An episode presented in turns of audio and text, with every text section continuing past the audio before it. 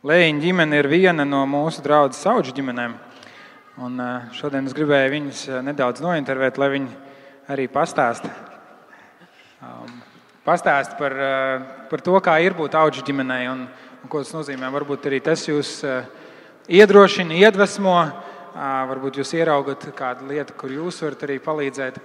Un, kā jūs varat arī atbalstīt šo visu kustību, jo tā ir tā ideja bāriņu svētdienai, ka mēs par to runājam un vairāk domājam. Un pirmais jautājums ir, kas jūs mudināja kļūt par augu ģimeni? Kāpēc jūs esat augu ģimeni? Es atbildu, pēc tam tāds atbild. Nu, kā, jūs, kā jūs vienoties? Ja tu kaut ko pasaki nepareizi, tad dats tev izlabo. Ļoti labi, tad es sākšu. um, vis, primār, man liekas, tās tādas sirds sāpes par uh, par bērniem, kam, kam, kam nav vecāki vai kas, eh, kas ir prom no vecākiem. Es, eh, mēs tad jau esam šo stāstu stāstījuši, bet mēs, eh, pirms mēs vēl bijām pāris, pirms mēs vēl bijām precējušies, mums jau bija domas par, par to, ka varētu būt augu vecāki. Un, un, un kaut kā tāds viss iesākās. Un, un tad mēs iepazināmies Dārts, un tad mēs uzzinājām vēl par papildus iespējām, ka ir vēl bez augu vecākiem vēl citas opcijas. Tālāk. Nu, man tas stāsts aizsākās bišķiņā ātrāk. Um, man uh, ļoti patīk uh, mūsu atbalsta centra tilts sauklis, kad uh, bērnam ir vajadzīgs viens atbildīgs pieaugušais, kas par viņu parūpējas.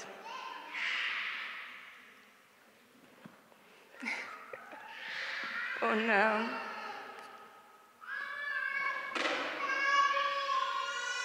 mans, mans opis uh, Viņam dzīve izvērtās tā, ka viņš eh, pēc dzimšanas nokļuva zīdaiņa namā.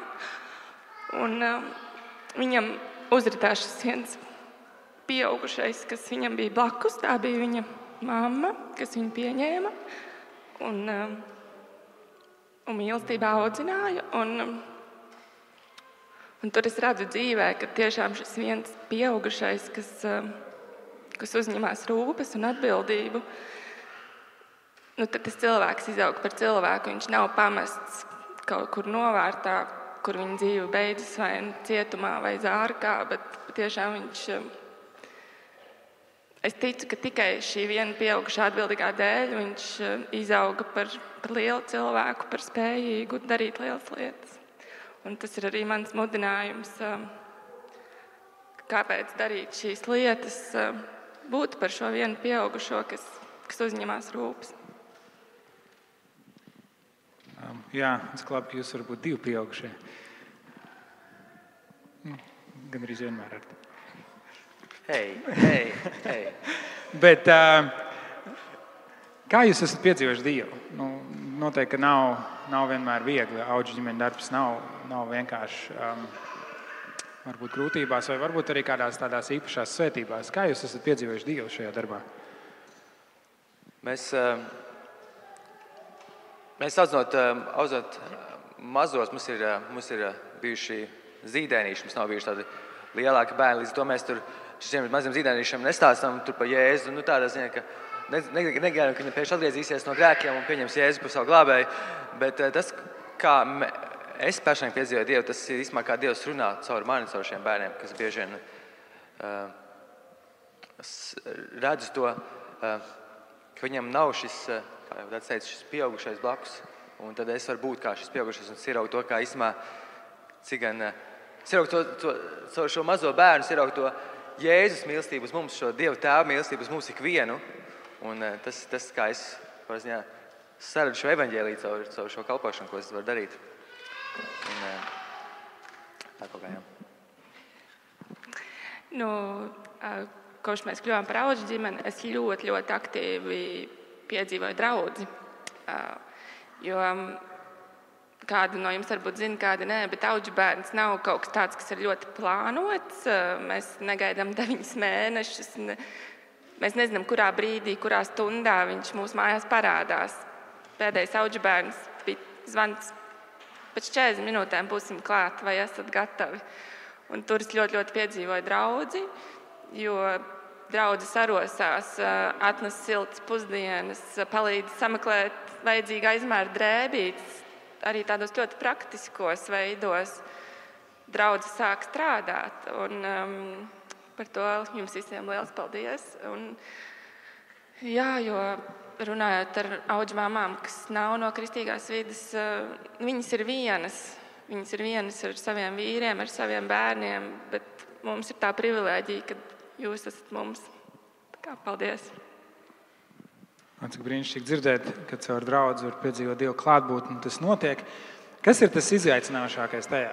Nu, tā jūs varat neieslīgt detaļās. Zinu, ka jums ir daudz izaicinājumu bijuši, piemēram, uzņemt augu bērnu un nākamajā dienā nonākt slimnīcā. Bet, bet, bet kas ir tas izaicinošākais varbūt tādā kopsavilkumā, tajā augu ģimenes eh, darbā? Es, viena lieta, kas man liekas tādas smieklīga, viņa, bet nu, tas ir izaicinājums. Tad, kad bērni aug, ir tādi posmi, ka bērns ir piedzimis, viņš ir rosņām, tad viņš iemācās staigāt, un tad ir tāds jauns posms, tad viņš iemācās tur vēl kaut ko darīt, tāds jauns posms. Un tiem maziem ir tā, ka ir tas posms, ka viņš naktī pamostās, un viņš jāpabaro. Un tad, eh, un tagad ir tie savi bērni, liekas, nu, tad jau izaugs lieli, tad jau tas posms beigsies, jo gribās gulēt pašam. Un tad mums ir tie mazie zīdēnīši, kas katru reizi ir atkal jauni. Pirmais zīdēnīts, un atkal tas posms jābaro viņš naktī. Tad atnāk cits dzīvnieks, un atkal tas pats posms, atkal jābaro naktī, un tas posms nebeidzās. Tas turpinās un turpinās un turpinās. Un nav tā, ka es viņš izaugšu, tad, bet, uh, tas tāds, uh, tāds bija šis izaicinājums, bet uh, tas ir jauki. Tas ir jauki. um, mans personīgi lielākais izaicinājums ir um, uh, tā nodošana tālāk, jo mēs kā auģi ģimene mēs esam tikai uz to īso posmu, kurā bērnam ir vajadzīga tā drošā vide, kur varbūt ir jāsakārto kādas lietas. Jau saņemot bērnu, mēs zinām, ka viņš būs jāpaliek tālāk. Um, no pirmajiem diviem augu bērniem tā bija Dieva vadība, ka viņi abi nonāca bioloģiskajās ģimenēs atpakaļ. Tur man nebija nekādu tādu šaubu, vai viņi būs labā vietā, vai ar viņiem kas slikts atkal neatgadīsies. Es zināju, ka tur viņi atgriežas pie savējiem. Mēs neesam vēl gājuši tam posmam cauri, ka mums ir jānodod kādam pilnīgi nezināmam cilvēkam tālāk. Un, tad, laikam, tas ir mans izaicinājums. Paļauties, ka Dievs visas lietas kārtos, jo es atbildu par šo posmu, bet Viņš atbildēs par visu to pārējo dzīves posmu. Tad palaist to kontroli vaļā, saprast, ka nu, tas jau nav mans bērns, tas ir Dieva bērns. Un, jā, ka viņš kārtos. Un pēdējais tāds jautājums par, par kas dod to gandarījumu tajā darbā, kas dod to motivāciju neapstāties un turpināt. Jums ir bijuši vairāk augu bērni jau. Kas ir tas, kas iedrošina tajā visā?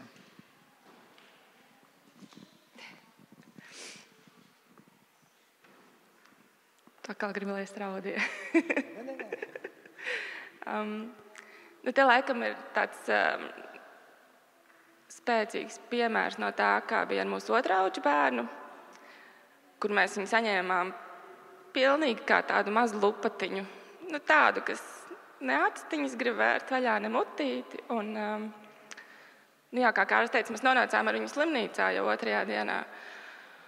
Uh, Ziemassvētkos, jā, divas dienas pirms Ziemassvētkiem, kur eh, nu, Rēntlauks tā arī pateica, nu, šis ir tas gadījums, ka ja viņi nebūtu nonākusi jauģu ģimenē, nu, viņi nebūtu to Ziemassvētku sagaidījusi.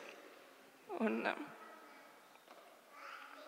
nu, tas ir, tā ir tā mana motivācija, ka es neizglābšu pasauli, bet es varu palīdzēt izglābt to vienu. Jā, mums uh, Man sākotnēji arī bija tā ideja, doma, ka es gribētu adoptēt bērnu. Un, un tad redzot tos visus skaidrus, to, cik daudz Latvijā ir, ir šie bērni, kas dzīvo bērnamos, bērni, kuriem nav vecāki. Un gribās tā kā, es varētu savāt, visus adoptēt. Nu, visu, bet nu, visus nevar adoptēt. Visu, lai cik gribētu, es nevaru adoptēt. Savu futbola komandu četras dabūt. Bet, jā, ļoti liels svētdienas, ko tas gan būtu īstenībā jautājums. Bet tas, jā, ko mēs varam darīt, mēs varam uz brīdi kādam iedot uh, mājas, uz brīdi kādam iedot uh, rūpes, un tad, uh, uztoties Dievam, nodot tālāk bērnu, ka viņš nonāk ģimenē, kur viņu mīl un rūpējas par viņu un gādā par viņu.